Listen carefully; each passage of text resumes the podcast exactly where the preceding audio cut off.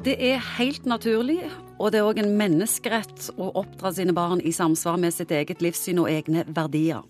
Men så skjer det òg at voksne står fram i ettertid og forteller om psykiske skader de ble påført i forbindelse med religiøs oppdragelse.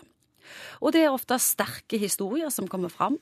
Uforståelige og skremmende ting foreldre har gjort fordi de tror det er Guds vilje. Og nyere forskning viser på flere måter at religiøs oppdragelse ikke er så bra. Psykolog Egon Hagen, har du vært borti dette? Ja. Minefeltet. Ja, det har jeg. Vi bor midt i bibelbeltet her på Sør-Vestlandet, så det er veldig mange som har beskrevet en oppdragelse som har vært prega av at uh, foreldre har på en måte en fasit eller en 100% skråsikkerhet på hva som er de rette verdiene, og hvordan livet skal leves. Og Hvis du tenker at dette er skrevet i den evige boka og, liksom evige sannheter, så er det ikke alltid heller at foreldrene har vært så lydhøre for om egentlig kartet stemmer med terrenget. Skjer det mye feil da, i iveren etter å gjøre det rette og gjøre det gode? Hvis du vet hva som er rett og galt, og meningen med livet og alt dette, så klart at hvis du da er foreldre og har en veldig sterk gudstro, så klart at det vil jo gi deg kanskje en stråsikkerhet og noen ideer om hva verdier du ønsker å føre videre.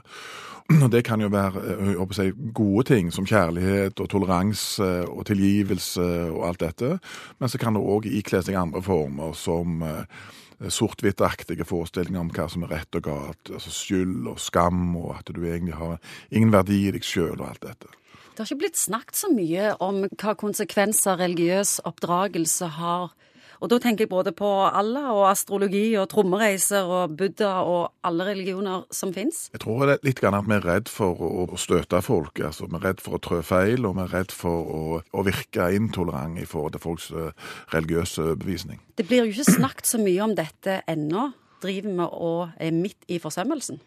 Ja, jeg tror på en måte det som skjer nå med at vi har denne her mobiliteten, eller folkeforflytningene mellom landegrensene, gjør jo på en måte at de fleste må jo forholde seg til, til religion kanskje på en annen måte tidligere. Husk på at religion jeg pleier å si det, det er på en måte en geografisk bestemt skråsikkerhet om hvordan verden ble skapt. Og Etter hvert som vi ser migrasjon på tvers av landegrensene, så må noen enhver forholde oss til denne skråsikkerheten, som da ikler seg forskjellige fasiter, litt avhengig av hvor du kommer fra.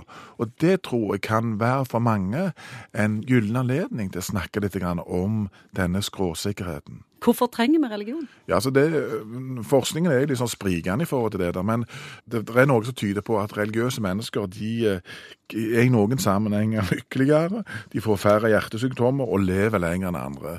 For mange opplever at det er en trøst i dette. Vi har jo drevet med dette fra tusenvis av år tilbake. Jakta etter de svar på de store sammenhengene. Lyn og torden, Tor og Odin. altså Det, har, det er et eller annet grunnleggende i mennesket hvor vi ønsker å forstå verden forstå det der eh, store mysteriet som vi er planta ut i. Og da tyr vi da til ulike fortellinger, egentlig, eller anekdoter, som eh, Som funker. Som funker, ja. Og som skaper en sammenheng og en forståelse. Og en trygghet, sånn sett. Men hvordan skal en da oppdra sine barn i sin religion? Ja, nå tror jeg at den religiøse myndighetsalderen i Norge er satt til 15 år. Før var det jo noen som sa at barnetroa var så viktige.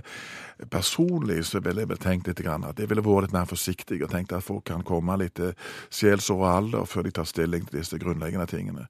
Men klart at hvis du blir innpoda fra du er helt liten, enten det ene eller det andre, så klart at det blir kanskje vanskeligere for mange å gjøre et opprør mot dette seinere. Jeg ville vært mer forsiktig, tror jeg, i forhold til på en måte å presentere fasitsvar.